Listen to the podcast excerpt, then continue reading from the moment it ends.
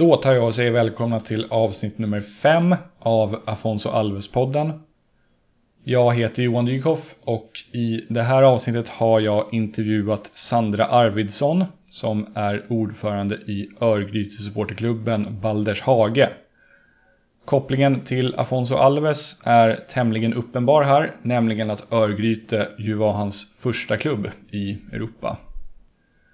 Baldershage grundades 1951 under namnet ÖIS Fotbollsvänner med syftet att stötta Örgrytes fotbollsverksamhet med pengar, jobb och bostäder till nya spelare. 1977 ändrades namnet till ÖIS supporterklubb och 2004 fastställdes nuvarande namn ÖIS supporterklubb Baldershage.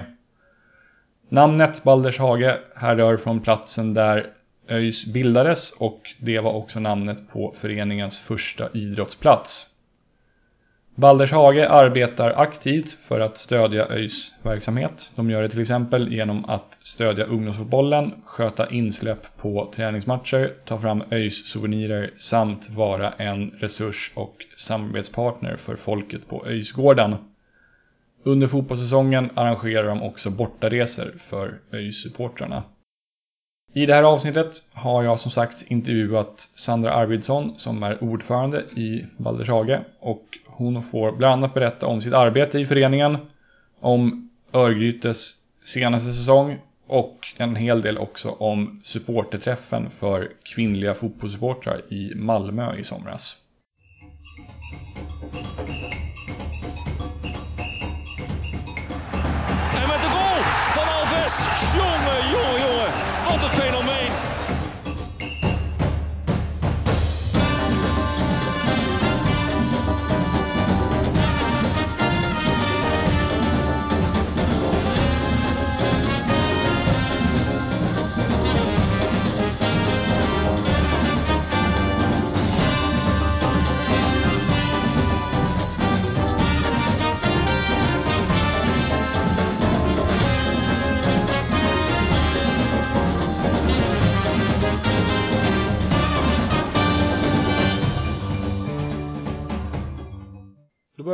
Faktarutan då. Eh, mm. Vi börjar med det lättaste. Namn? Sandra Arvidsson. Ålder? 49. Kommer från respektive bor i? Eh, jag kommer ifrån Kållered kan man säga. Jag bor i Göteborg. Mm. Eh, sysselsättning? Jag arbetar som kommunikatör på Chalmers. Eh, favoritlag? ÖIS. Inga utomlands? Lag utomlands eller så? Ja, jag följer väl Arsenal ganska mycket också. Men eh, ÖIS är ju nummer ett, två och tre. Jag förstår. Eh, favoritspelare genom tiderna? En eller flera nu aktiva eller sådana som har lagt av? Eh, ja du, jag gillar eh, Özil. Mesut mm. Özil i, i eh, Arsenal. Jag gillar Jakob Lindström i i BK Häcken nu då, men tidigare ÖIS. Mm. Då ska vi se, en spelare vars skor du själv gärna hade velat vara i, i ett givet ögonblick? Eh, ja, det, jo, naturligtvis. Jag hade velat vara i, i Marcus Albecks skor i mars 2008. Eh, när en buss med ÖIS supportrar åkte ner för att hämta hem honom ifrån parken. Ja, var... Eh, FCK som han spelade i då mötte eh, något danskt lag, jag kommer inte ihåg vilket. Men eh, då skulle jag vilja varit i hans skor. Det måste ju varit fullständigt episk känsla. Satt du på den bussen möjligen? Nej, jag var i Thailand då. Ja, ah, okej. Okay. Så jag, tyvärr gjorde jag inte det. Hade du velat vara på den bussen annars? Ja, ja, väldigt, väldigt gärna. Ja, det förstår jag. Eh, någon eller några spelare som du inte gillar av någon anledning? Ja, ja, ja det givna svaret är ju Peppe till exempel. Sen har jag lite svårt för eh, Marcus Rosenberg. Men han lär ju vara en hyvens kille vid sidan av plan. Men på plan tycker jag inte han är något uh, charmtroll direkt. Nej, det vore att ta i. Du är inte den första som säger Peppe. Han har fått två eller tre röster vid det här laget. Ja, okay. det är, men det är en förba förbannat välförtjänt av å andra sidan. Ja, verkligen, verkligen. Eh, en företeelse inom fotbollen som du inte gillar? Eh... Ja, vad kan det vara? Ja, jag gillar inte när det blir bråk, men det är inte så ofta det händer. Men det kan jag klara mig ganska bra utan. Mm. Eh, främsta egna fotbollsmeriter? Oj, oj, oj. De är oerhört begränsade. eh, jag spelade några säsonger i Kållereds SK i KSK, så jag har samma moderklubb som Lotta Schelin om det kan vara någon form av, eh, av merit. Ja, det är väl så, go så gott som något. Ja, jag är inte bra som att spela fotboll. Nej. Det, nej. Eh, intressen utanför fotbollen? Eh, ja, det är ju eh, mycket musik, hänga med polare, min familj. Det är ja, softa och, och ha det bra. Mm. Eh, favoritland eller stad som du har besökt? Eh, ja, London kan vi ta. London tycker jag är fantastiskt. Har du varit på Arsenal-matcher i samband med det? Eh, nej, jag har bara varit på Manchester United i Manchester några gånger. Jag har varit på, på Preston också. Mm. Men jag har aldrig varit på någon Arsenal-match tyvärr. Men det kommer i år hoppas jag. Ja, kul. Och så avslutar vi med eh, favoritband eller artist. Åh, jag älskar Ulf Lundell. Någon favoritplatta av honom? Um, Ripprap. Den har jag aldrig hört talas om. Borde man ha gjort det? ja, det borde man. Okej, okay, jag får skylla på att jag är 20 år för ung eller någonting. ja, precis, precis. Du får skylla på det. ja. ja, men det var faktarutan det. Då känner du dig lite mer som, mer som person. Eh, ja. Då går vi vidare till själva liksom det podd, poddämnes specifika. Eh, mm. Om du till att börja med kan berätta lite grann om hur och när du blev öjsare. Eh, ja, det var så att jag hade Sören Börjesson som eh, gympalärare på, i slutet på 80-tal, i slutet på 70-talet. Eh, och han var en fantastisk lärare så vi var nog ganska många som, eh, som blev hängivna ysare i den klassen. Och jag gick i Askimskolan då. Så det var väldigt enkelt. Min familj, jag har ingen familj som, eh, eller ja, min familj är inte så särskilt intresserad av fotboll, alltså mamma och pappa och sådär, utan det blev jag som åkte in själv så fort jag blev stor nog för att få det och då var jag såld. Det var ju ja. tidigt 80-tal då. Ja, just det. För de som inte kan sin ÖIS historia, eh, Sören Börjesson, vad, vad är hans koppling till Örgryte? Eh, han var ju en av medlemmarna i det här anrika 85-laget som vann vårt sista SM-guld. Eh, och han var helt, helt fantastisk i de här två matcherna. På den tiden var det ju två matcher eh, som ett slutspel helt enkelt som det är i hockeyn idag. Eh, och det var inte bara i de matcherna utan under hela säsongen var han eh, fullständigt eh, outstanding. Vilken position snackar vi? Anfallare? Uh, nej. Nu minns inte jag. Undrar om inte han var mittfältare alltså. Okej. Okay. 80-talets Magnus Kjellander eller någonting? ja, lite så. Ja. Um, vilka skulle du säga är några av dina favoritminnen som öjsare? Uh, ja, säsongen 2012 var ju fantastisk den, uh, den var så bra på alla sätt och vis. Uh, vi hade fått seriens yngsta kapten. Ehm, och vi, vi firade 125 år det året. Eh, vi hade liksom allting var bara jätte, jättebra. Det var en fantastisk sammanhållning och det var... Nej, det var jag hoppas upp, få, uppleva det igen. Men det, sen var jag 85 var ju också jätte, jättebra naturligtvis. Ehm, um, 2000 när vi vann cupguldet var ju också härliga tider, tycker jag. Ja. Eh, vilka skulle du säga är några av dina tristaste ÖIS-relaterade minnen? Eh, ja, det var ju, vi hade ju en eh, en match 2013 borta i Värnamo. En eh, kall höstdag. Då vi kunde fått en kvalplats. Eh, men det eh, blev inte så. Och det var, det var bara en väldigt, väldigt lång resa hem. Och väldigt, väldigt många tråkiga minnen ifrån den, ifrån den matchen. Bara upplägget med kall höstdag i Värnamo, det är uppförsbacke redan där. ja, ja, precis.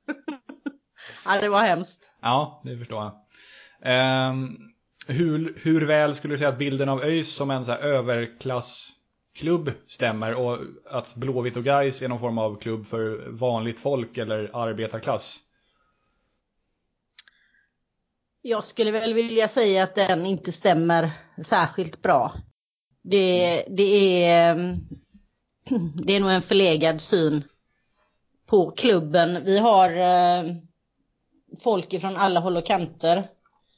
Eh, givetvis har vi en del som har väldigt gott ställt men vi har också folk som, eh, som är alldeles, alldeles vanliga.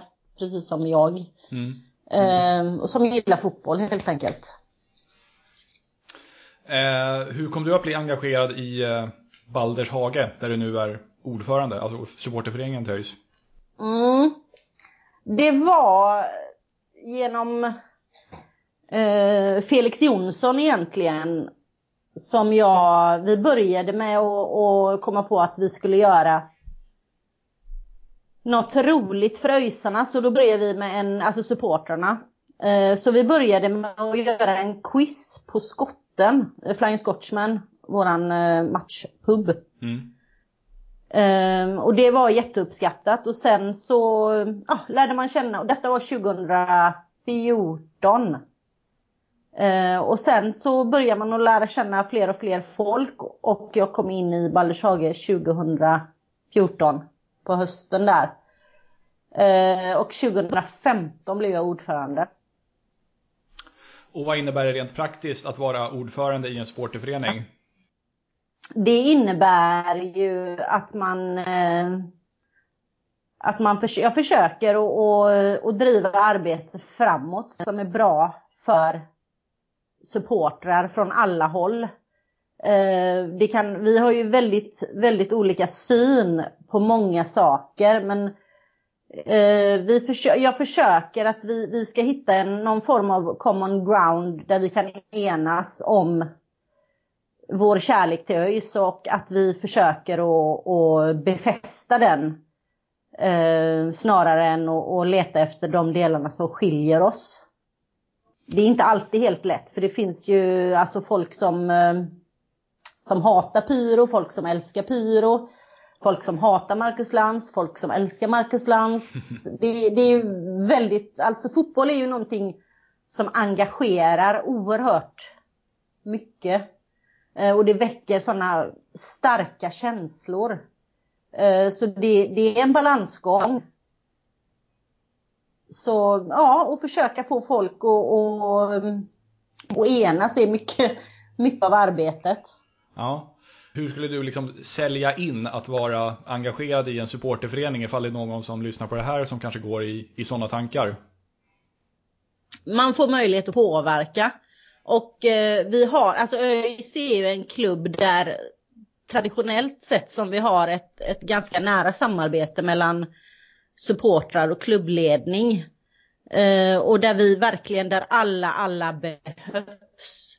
Eh, vi, vi får möjlighet som supporter så hjälper man till med, med allt möjligt. Vi har till exempel eh, supportrar från Vallershage som, som sitter uppe på Öjsgården och hjälper till att sälja partnerpaket. Eh, vi har folk som, eh, som kommer hjälpa till med medlemsdialoger med ÖIS medlemmar alltså, inte bara Ballershage. Eh, vi har folk som hjälper till med kommunikation. Man, man får en möjlighet att vara med och hjälpa till och man får en möjlighet att påverka. Och vi har otroligt, otroligt roligt. Så det tycker jag inte man ska tveka på om man är det minsta lilla sugen. Det är bara att hänga på. Mm. Vet du hur många medlemmar ni är i dagsläget? Nå, vi är nog 900. Men jag räknar med att eh, när säsongen drar igång så är vi ungefär 1100. Det var vi förra året. Okej. Okay. Ja men det är inte så illa. Jag är med i en liten, jag är med i en liten Charlton-supporterförening. Jag tror vi är kanske 50 eller någonting. Så ni är Ja. Det är väldigt, väldigt bra. Ja. Och då blir det ju, alltså man får ju någon form av, eh, av plattform också att prata utifrån när man har så många medlemmar. Mm, precis. Och eh, som du sa, om man även får vara engagerad i som själva klubbens arbete och kunna hjälpa till där då, och bli lite hej och du med kanske spelarna och de som varit i styr i klubben, det, det är väl en väldig bonus. Ja, det är en fantastisk bonus. Verkligen. Mm. Eh, vi tar och pratar helt kort om Afonso så vi har bockat av det också. Eh, ja. När jag kontaktade dig så berättade du att du inte gick på så många ÖIS-matcher under den här tiden, tidigt 00-tal, eftersom tiden tog upp av, togs upp av småbarn, var det va? Eh, Jajamän. Men du kan väl ändå berätta om liksom, den, den lilla koppling du har till honom, eh, hur liten den må vara. Ja men alltså han var ju en, en frälsare, både han och Paulinho egentligen. Eh, som, som, men Afonso framförallt, han var ju en, eh, ja, en otroligt skarp och effektiv målskytt. Och eh, ja, en fantastisk spelare. Alltså hans individuella kapacitet var ju någonting som de flesta bara drömde om att få se i allsvenskan då. Eh, sen minns jag ju med glädje hur han själv sänkte Blåvitt på en match någon gång 02-03 någon gång tror jag det var. Jag kom, det var ju bara en sån sak gör ju att han han är en liten hjälte. Det är det hattricket på Nya Ullevi där det slutar 5-2 ja, men, ja, precis, precis. Ja, den, det var den, ju alltså, det där, eh, ja, fantastiskt. Ja. Bara en frispark har jag för mig som var riktigt. Mm, mm. Där Bengt Andersson inte, knappt, knappt fortfarande fattar vad som hände. Nej, precis, precis. um, men uh, du, du, minns, eller du minns i alla fall, du har liksom ja, helt uppenbart positiva känslor till honom. Men är det någon av de andra öjsbrassarna som har gjort liksom ett större avtryck på dig för att du hade möjlighet att gå på fler matcher under den perioden som, han, som den spelaren var aktiv? Nej, det är det nog inte. Nej. Eh, tyvärr. Utan jag... Jag var inte så jättemycket på fotboll då. Under Brasse-eran. Nej. Så varken Walter Thomas Junior eller Ailton eller någon av dem där? Ja, Walter Thomas, Ailton har man ju givetvis sett, men han, han kändes eh, fortfarande lite valpig när han lämnade. Eh, han var ju fantastisk. Alltså de högsta nivåerna han hade var ju av sällan skådat slag. Uh, Walter Thomas Junior är ju en ÖIS-ikon naturligtvis också. Han är... Han har verkligen en plats i mitt hjärta han också. Mm. Han var ju länge ÖIS, alltså han måste ha spelat ett, ja. över hundra matcher i alla fall kan jag tänka mig. Ja, det, det, ja, det gjorde han. Uh, och han... Uh, hade, vi hade ju aldrig någon sån här avtackning av honom, vilket jag kan tycka var lite sorgligt. Vad jag kan minnas i alla fall. Han var ju med, supportrarna gör ju emellanåt, eh, vi har gjort två filmer två år i rad och han eh, han ställde faktiskt upp i, i förra årets film eh, och joggade genom Slottsskogen. En iskall vårdag, en marsdag tror jag det var. Så han var med i våran film då, så han, han har fortfarande ett stort ett stort öjshjärta och, och vi eh, ja, vi älskar nog varandra, supportrarna och, och Walter. Ja. Bor han i Göteborg fortfarande? Vet du det? Eh, det tror jag han gör. Ja, så han är liksom typ svensk eller Sverigebaserad numera? Ja, men det är han, det är han. Vad jag mm. förstår. Eh, men det var det, det var det vi kunde prata om på brassefronten kändes det som. Men vi tar och pratar lite om förra årets säsong. ÖIS slutade nia i Superettan om jag inte misstar mig. Ja, eh, det stämmer alldeles utmärkt. Hur nöjd är du med den slutplaceringen? Ja, med tanke på att eh, det var liksom väldigt, eh, väldigt höga ambitioner ifrån tränarled från början. Eh, vilket ändrades allt eftersom säsongen gick så, så man kanske hade haft lite, lite större förhoppningar. Eh, vi behöll ju i princip hela truppen. Eh, så det, det hade man väl lite, lite större förhoppningar på. Eh, kan jag känna. Eh, men det är alltså på plussidan är ju att vi, vi finns fortfarande i Superettan. Eh, och på minussidan var ju det här med, ja, när vi eh, fick, jag tror det gick sex, sex matcher i rad med torsk och det var ju inte roligt. Det var alltså, vi hade ett ÖIS i totalt fritt fall då. Ehm, så det, det var ju inte sådär jätteupphetsande. Sen hade vi ju ehm, vi tappar ju många fina spelare på slutet av säsongen av vissa av helt fel anledningar, till exempel George Morad. Ehm. och sen var det också en säsong där eh, där vi hade mycket tjafs. Marcus Lantz förlängdes ju redan i juni, fick tre år till. Fast han hade kontrakt i november ut. Och det var inte alla som var jätteglada för det. Och publiken svek också efter, efter Dalkurd hemma. Det var precis den helgen när han, han fick förlängt. Mm. Mm. Men det blev ju alltså, vi var ju illa ute där ett tag. Men det blev bättre under hösten och eh, kontraktet säkrades, om inte jag minns fel, så tror jag att det var innan våran sista bortamatch. Sen avslutade vi hemma, men det var ju tack vare att eh, jag tror det var Degerfors och Syrianska spelade oavgjort. Eh, så det var lite bra. Att så, vi fick vara kvar, så, så nio, nia var väl, eh, ja, det, det är ju som det är.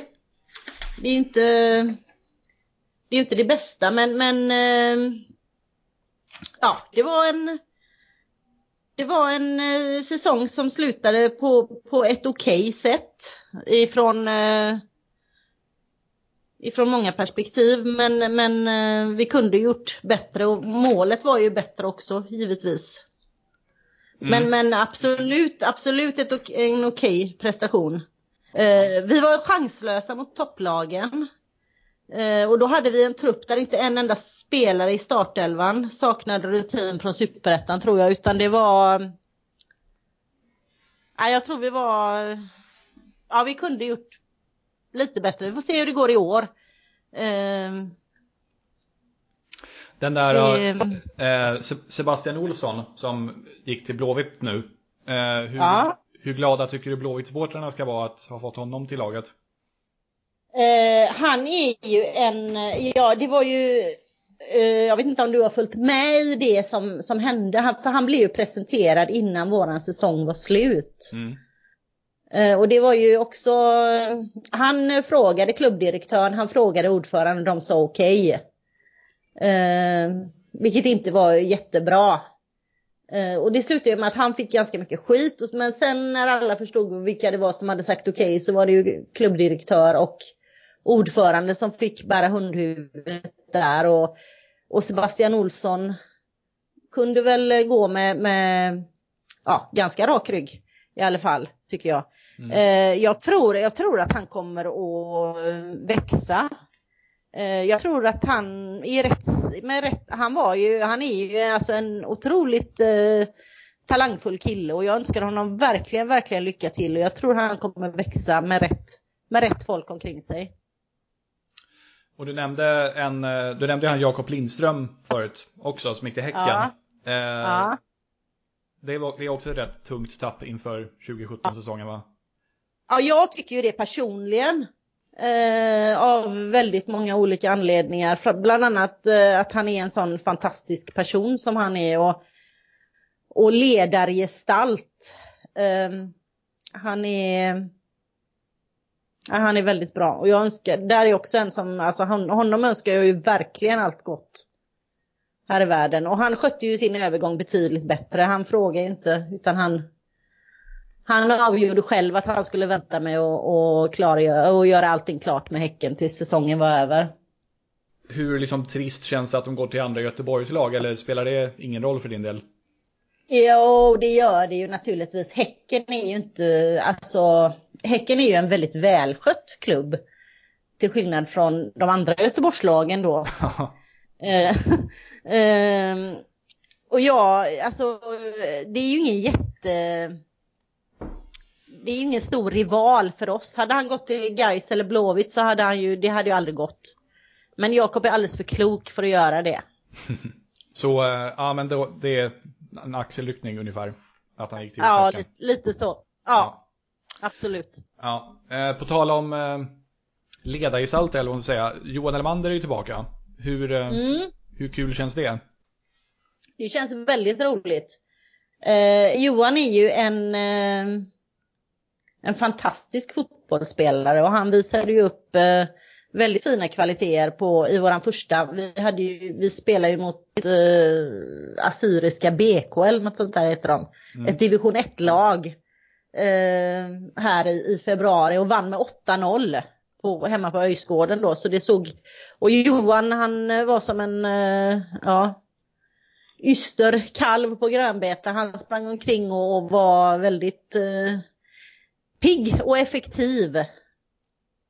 Det tog, jag tror det tog 13 minuter innan han gjorde första målet. Eller något sånt där. Han, ja. han var spelsugen, pigg.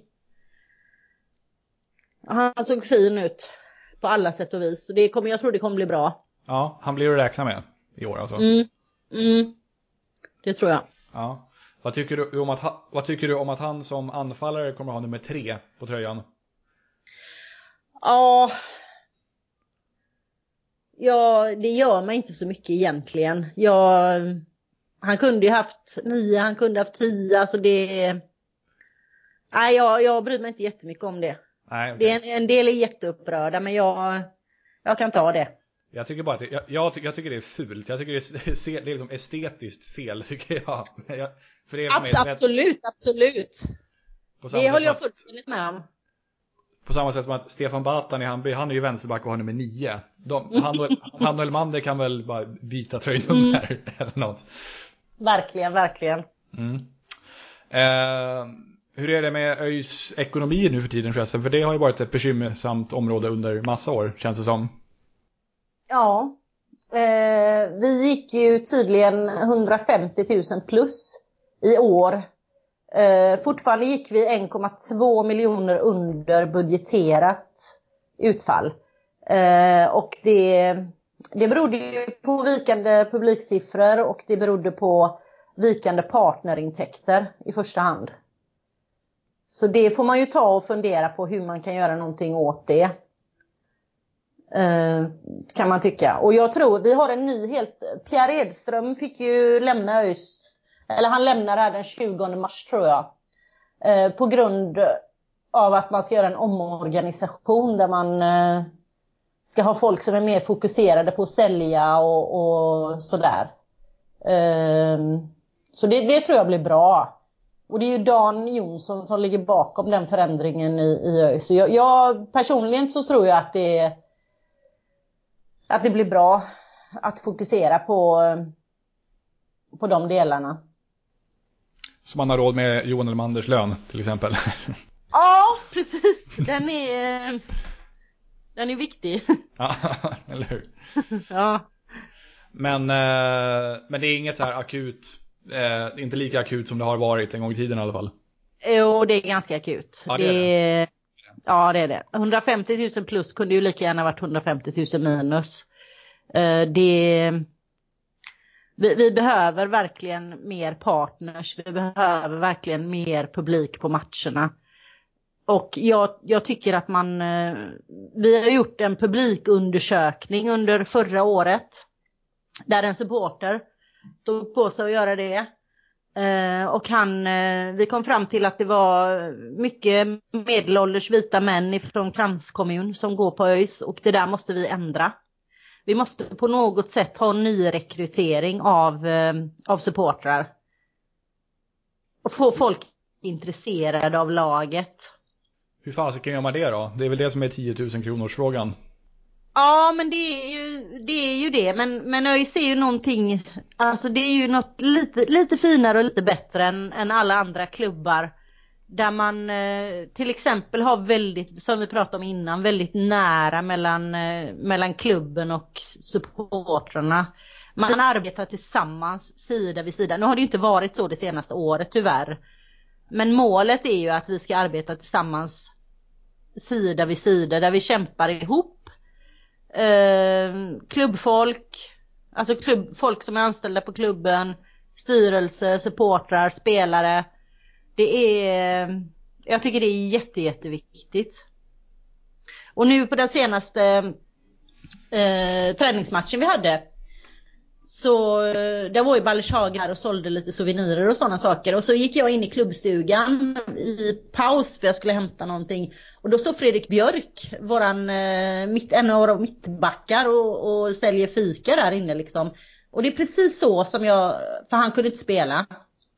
Eh, det är precis så som jag tycker att det ska, ska fungera. För det är ju någonting som verkligen han ska inte stå och sälja fika på, på Gamla Ullevi, det är ju inte det jag menar. Men liksom det attraherar folk och det är liksom andan att vi, vi hjälps åt och det är vi. För vi har ju också, klubben har ju försökt att få igenom en slogan som heter, eh, eller som är Vi är ÖIS.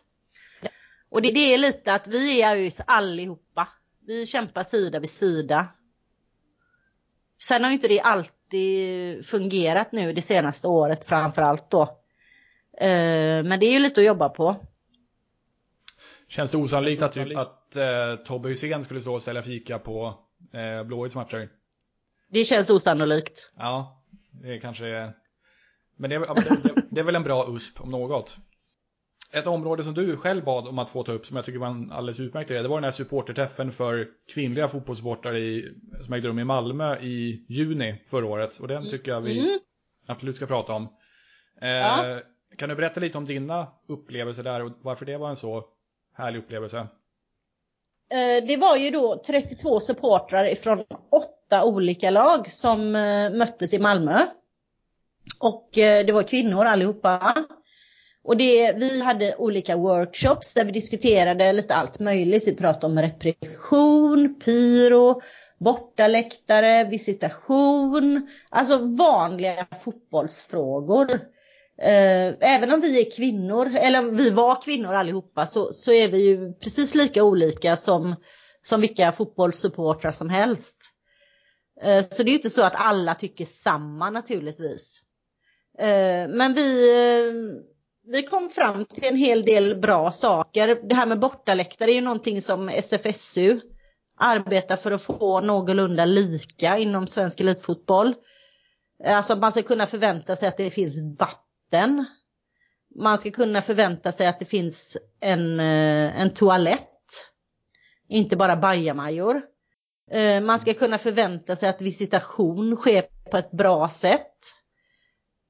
Och, och lite sådana saker. Och det viktiga som, som med att träffas där, det var ju liksom inte att att bara vi, att vi var kvinnor utan det var ju, det, alltså det är ju nätverket i sig. Och jag tror att det kan bidra till att det kommer mer kvinnor till fotbollen.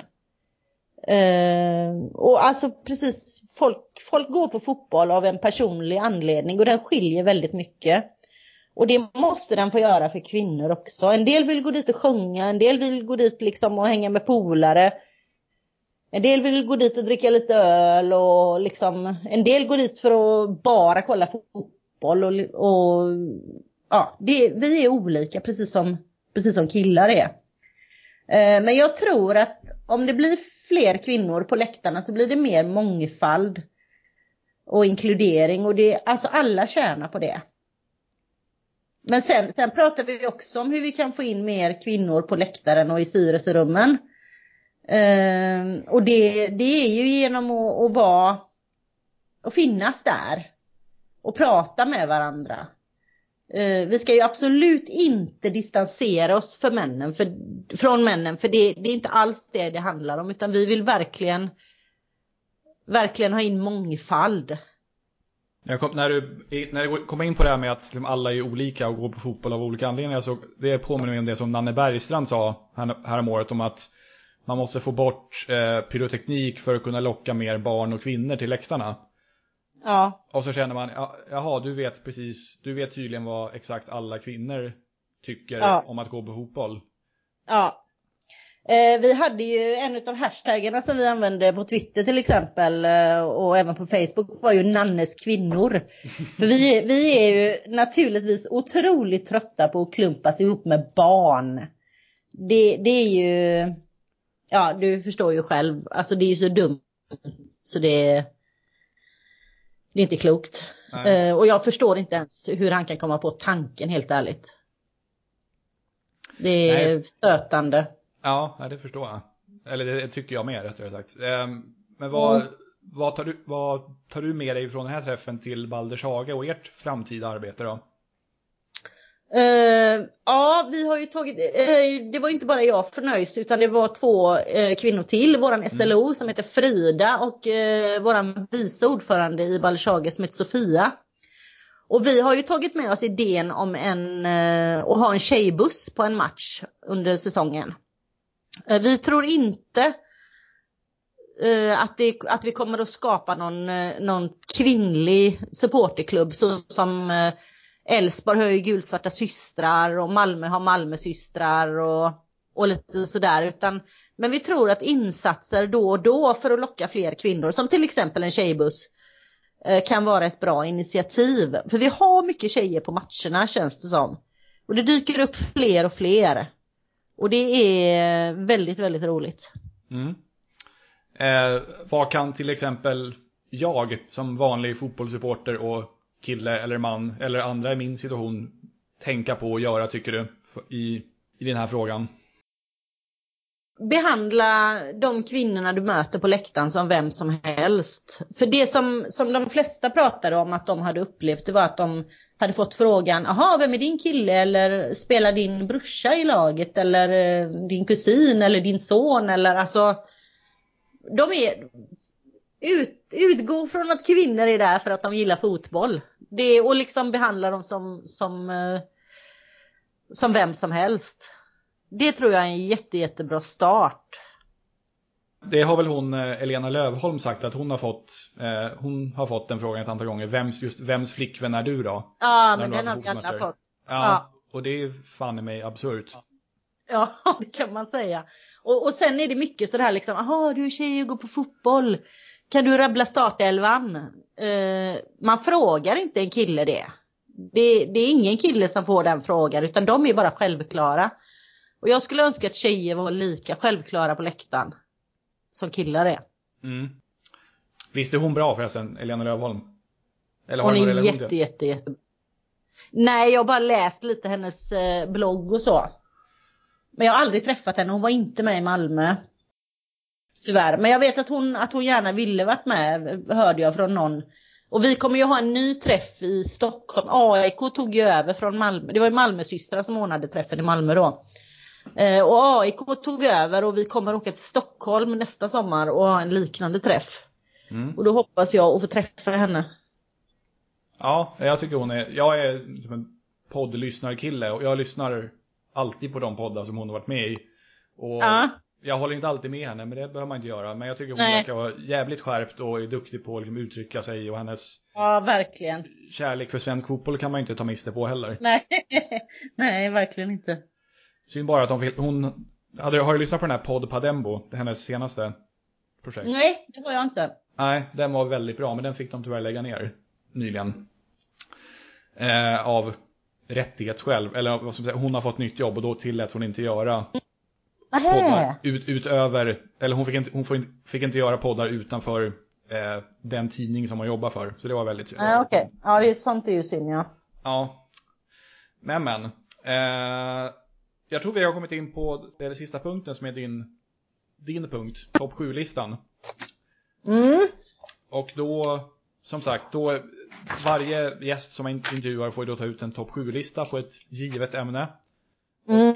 för dig gav jag ämnet eh, dina favoritöjsare under din mm. som, som supporter. Ja. Eh, och eh, det vanligaste är ju när man kör topplistor att det är topp 5 eller topp 10. Kan du gissa varför jag kör topp 7 istället? Eh, hade Afonso nummer sju möjligen? Ja, det är en vanlig gissning. Men det är faktiskt det är inte rätt. Det är så att hans målrekord när han lirar i Heidenfein är sju oh, mål i en match. Okej, okay. och herregud ja. Ja, då, men det är ju en bra, en bra siffra. Ja, ja men eller hur. Så eh, topp sju har jag kört på genomgående. Och eh, mm. jag har skrivit upp tre namn som jag tror kommer vara med. Så jag, jag, jag vi, eh, du får köra listan och så säger jag ifall jag har lyckats eh, pricka rätt sen. Så det är bara take it away. Ja. Har du lyckats pricka rätt så kommer jag bli djupt imponerad. Ja. eh, men jag, jag börjar med nummer sju då. Mm. Eh, och då väljer jag Kristoffer Bengtsson. Han eh, var en fantastisk, han spelade 2008 till 13 tror jag. Eh, fantastisk eh, back, han kämpade och slet och pratade. Han var, jag tror aldrig han var tyst under en match. Eh, otroligt bra attityd och han, eh, han var högerback och han kunde liksom, har jag för mig, han kunde stänga en kant med besked. När han stängde en kant så var den stängd. Eh, nummer sex är en väldigt otippad eh, som jag tror att jag är ganska ensam om. Men han heter Jukka Sausu. Eh, mittback som eh, verkligen hade en öjsig attityd tyckte jag. Han blev riktigt förbannad på sig själv när han inte levererade och han, eh, han stod alltid upp. Han, eh, ja, jag gillar verkligen honom och det var någon gång eh, 07 tror jag han lämnade. Eh, så har vi nummer fem. Och det är Pavel Savadil. Eh, han var en eh, fantastisk, eh, inte, han gjorde ibland fantastiska mål men framförallt så var han grym på passningar och inlägg och ibland var han precis överallt och det såg ut som han passade till sig själv tror jag och gjorde mål. Mm. Um, Från Tjeckien, eller hur? Ja, precis, precis. Ja. Uh, nummer fyra har jag faktiskt tagit Afonso Alves. Ja, ah, snyggt. Uh, lite, lite utanför pallen, men uh, så individuellt skicklig så han bör man inte glömma. Mm. nummer tre är Marcus Johannesson. fantastisk fotbollsspelare och en otroligt bra ambassadör för ÖIS. Han snackar alltid, alltid gott om klubben och han var, jag minns 2009 när ÖIS åkte ur, så jag för mig AIK vann guldet det året. Eh, och, och Marcus spelar ju i Djurgården, han var lagkapten i Djurgården vid den här tidpunkten och eh, då var ju väldigt många stockholmare var ju fokuserade på att hata att AIK vann guldet. Men han sa att det enda han brydde sig om var att ÖIS åkte ur och det var det jättesorgligt. Nästan grät gjorde han. Sen plats nummer två så har jag faktiskt eh, valt att ta med hela 85-laget. Mm. ja, även om Sören Börjesson var en fantastisk spelare så vill jag inte glömma någon av dem som var med i det laget. De slog Blåvitt under Blåvitts storhetstid. Alltså de vann ju 82-87 tror jag de vann Uefa-cupen va? Ja, just det. Eh, så hela laget hamnar på andra plats. Och det alltså framförallt för den känslan som var. Eh, och jag var där och jag, ja, det är helt, jag glömmer, kommer aldrig glömma den känslan. Och att slå eh, Blåvitt på den tiden, det, det var som att slå Harlem Globetrotters liksom. Det, ja, det var så här, det gick knappt. Nej, och sen alla ens polare var ju blåvitare. Så det, alltså den, eh, man, man levde ju, man gick ju på moln, jag vet inte, länge. Väldigt, väldigt länge. För det, det sved ju extra hos dem också och det, det gjorde ju inte så mycket. Nej, eh, Och på första plats då är en självklar spelare som heter Jakob Lindström.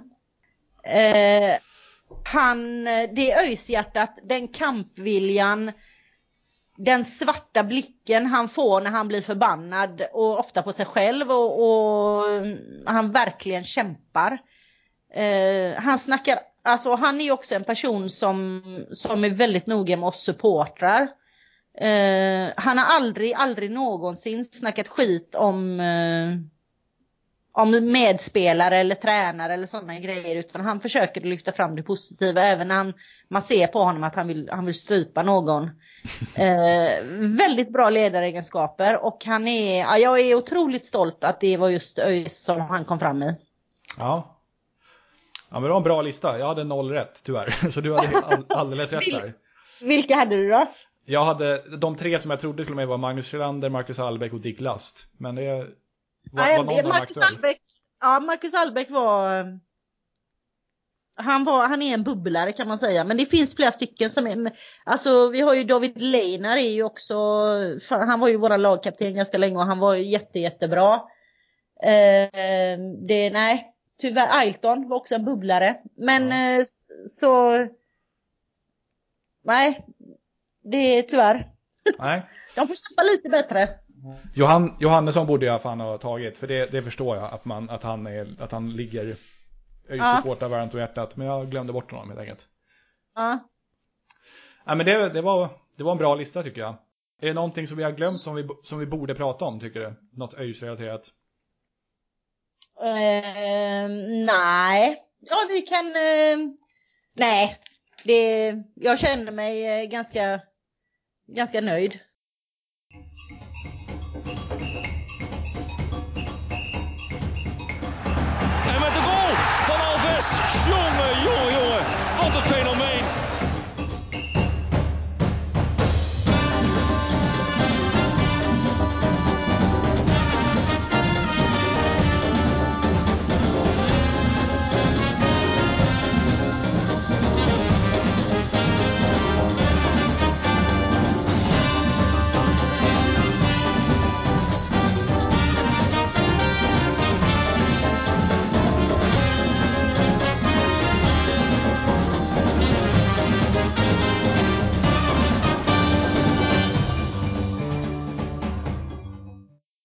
Sådär ja, då tackar vi Sandra Arvidsson för att hon tog sig tid att ställa upp på den här intervjun och vi önskar henne all lycka och medgång framöver.